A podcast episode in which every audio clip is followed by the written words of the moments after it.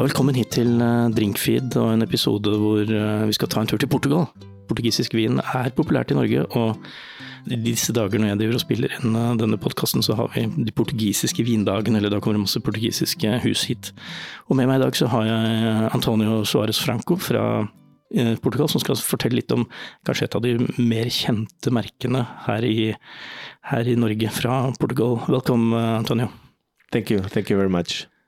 Your uh, your company is uh, located in uh, in Lisbon. You, you told me. Uh, it's actually in south of Lisboa, in the an area called Setúbal Peninsula, which is a region in between two rivers, which is the Tagus River that goes into Lisboa, and the Tejo River that goes into Setúbal, uh, the different cities. So uh, all of the in between of these two rivers is is the Setúbal Peninsula region, wine region, where we have most of our vineyards located there. Does the river have anything to have any impact on the wines, on the terroir?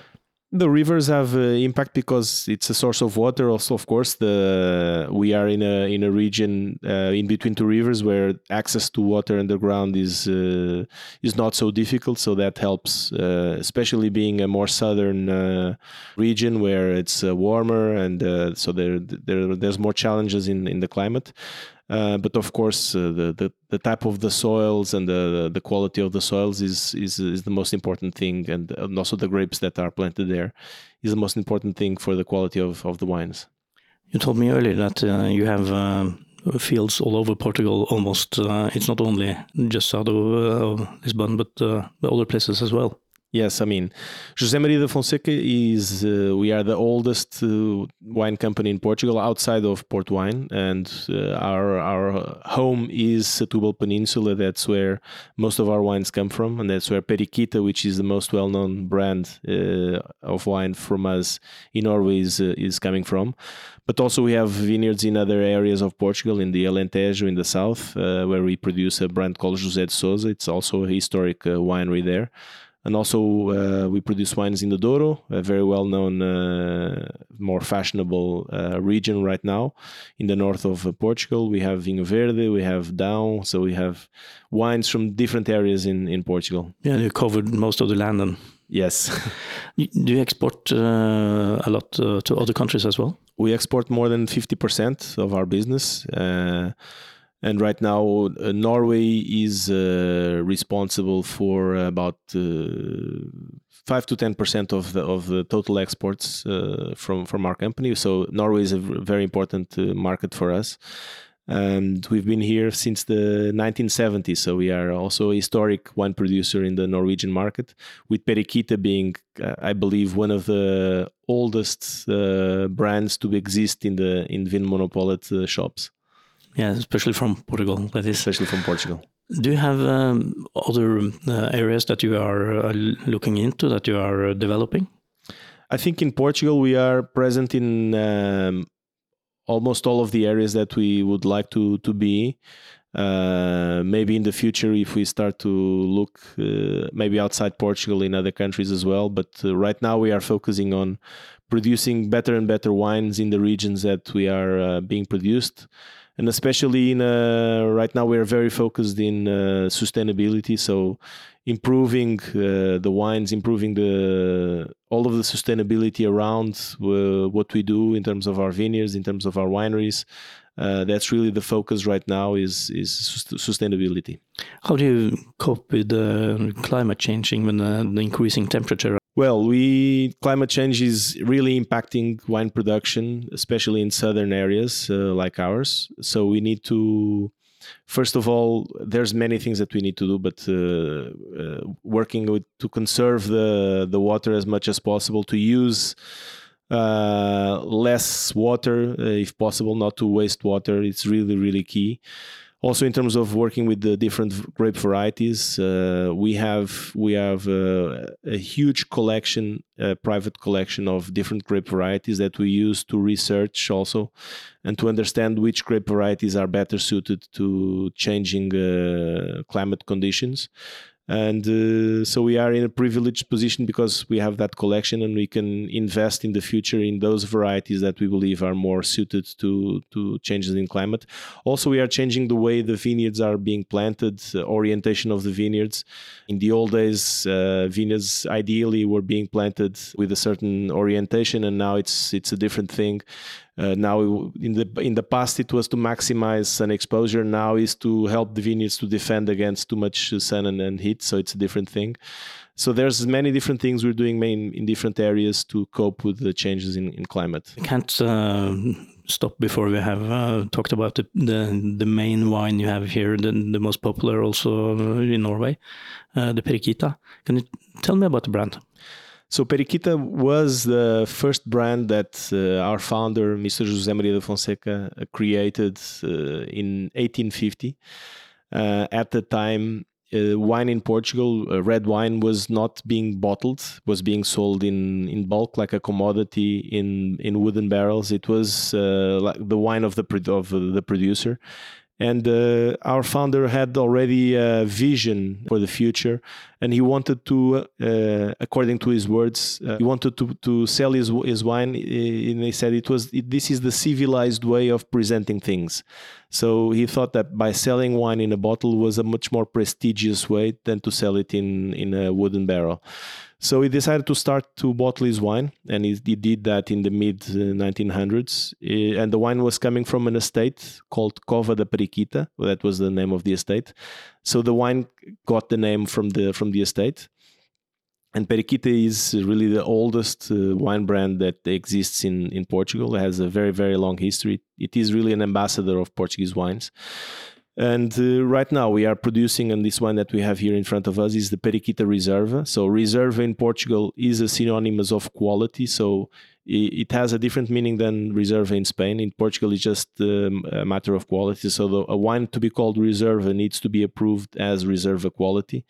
And here we have a wine which has uh, same uh, important variety as the normal Periquita, which is a, a grape variety called Castelão and then two varieties called Touriga Nacional and Touriga Franca, which are varieties typical from the north, from the Douro and Dão areas, where my grandfather in the early 90s planted these varieties in our vineyards in the south. And uh, right now, so the vineyards are about 30 years old, and uh, we believe that uh, they re- achieved the right age and the right uh, quality of grapes to be incorporated in a, in a better uh, blend like Periquita Reserva. How much do you sell uh, of the Reserva here in Norway? Do you know? In Norway, we sell maybe about uh, forty to fifty thousand liters of the Periquita Reserva. Yeah, that's so a, that's a, quite something. It's an interesting business. I imagine. Uh, let's taste. Yes. What, what what are we looking for or smelling for? So here I would say Castelão is the most important variety, and Castelão is especially when it's younger, and this is 2020 vintage. Castelão has uh, more fruity characters, especially more red fruits, more plums, uh, more cherry. Uh, also, it has uh, a very elegant acidity, uh, which in this case it's not so evident. It's going to be more evident uh, later on. But the acidity is really important to help the wines to age for a long time, and Periquita is really well known for to to be a wine that ages very well. So that's Castelão. Uh, and then the Touriga Nacional and Touriga Franca are, even though Touriga is the same name, they are completely different varieties. Touriga Nacional is a much more exuberant variety, very floral uh, in the aroma. It uh, has a very, very typical aroma of violets. And the Touriga Franca is the opposite. It's very shy. Uh, it's still closed right now uh, and it will develop much much better in the future Touriga Franca and um, so right now it's still still a, like a, a, shy lady that will much be much more beautiful in, in the future but already now I, I, I smell that uh, it's uh, it's a wonderful start mm-hmm. for a wine and as you said uh, a lot of uh, berry you have the cherries you have even a hint of eucalyptus maybe in, yes, in there. Eucalyptus, and yes. I find uh, this is a, a, very solid and great uh, expression of the wine. I, have of course tasted it before, but uh, it's always fun to to do it with uh, with someone who, who's from the place. How how long will it take to before this is uh, fully developed? I think during the next five years, the wine will show uh, this beautiful character, more fruit, more flowery, more exuberant uh, character. I think after five years, the wine will still be completely drinkable. Of course, it will develop other types of uh, of aromas, more maybe more leathery aromas, more tertiary aromas. It will still, in my in my opinion, in my personal taste, I love old wines. Um, so it will still, for my taste, it will be completely perfect uh, wine to, to taste in 10 years from now or 15 years from now. But right now it has the, all of this power and potency and fruit, and uh, that, that is so well appreciated by so many consumers. I have to taste it. and the other thing I would say here is the tannins of the wine are so so well fined so there's finesse in the wine there is no harshness in the wine everything is like a, a symphony that uh, is every instrument here is, is is playing to the right tune. It's well integrated, and and I have to say the acid, as you also mentioned, is uh, is very prominent, and mm. and it's sort of. Um, waltzing around with the fruit because the yes. fruit is there. The, all the dark fruit that it promised on the nose is is, is there, and it's uh, it's very and it's very very long lasting. Yes, it's uh, it's still there after maybe half a minute already. What do you look for in a in a perfect wine? I look for balance. As I said, uh, wine for me is a combination of different characteristics. is uh, is the fruit, is the acidic, is the structure of the wine, is the alcohol, is many different components that for me have to be in a perfect symphony. You cannot have one element of the wine that is speaking louder than the other elements when you have a wine that everything is is uh, is in tune, is in is in correct sync, is in perfect balance, for me, is the best wines are like that. So for me, I don't like to have a wine that's too oaky or too alcoholic or just aroma and nothing else. Uh, I think you have to have all of the components there, and everything needs to be in the same uh, in the same uh, playing together with the, with the other components. If you have to compare, uh, for instance, this wine uh, with with another wine, and maybe you want to say, "Well, I wish I had made, or, or I could make that other wine," uh, where do you have to go then?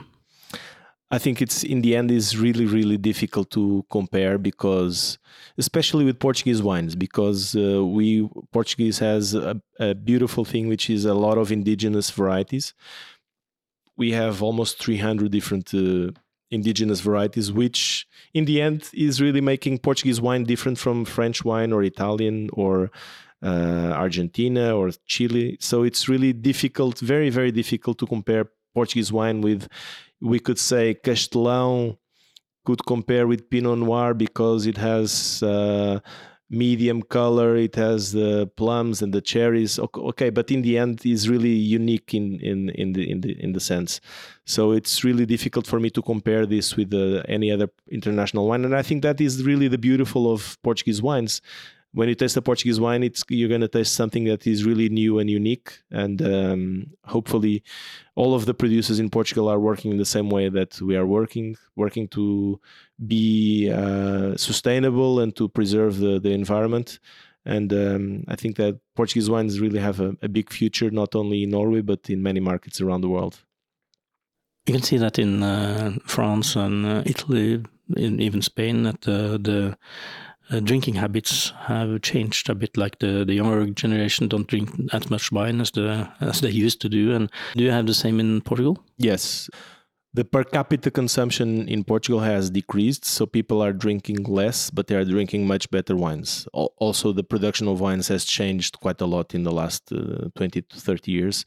Producers are really focusing on much higher quality wines uh, so that's the, the trend of the consumer is being met with the with the what the producers are are producing.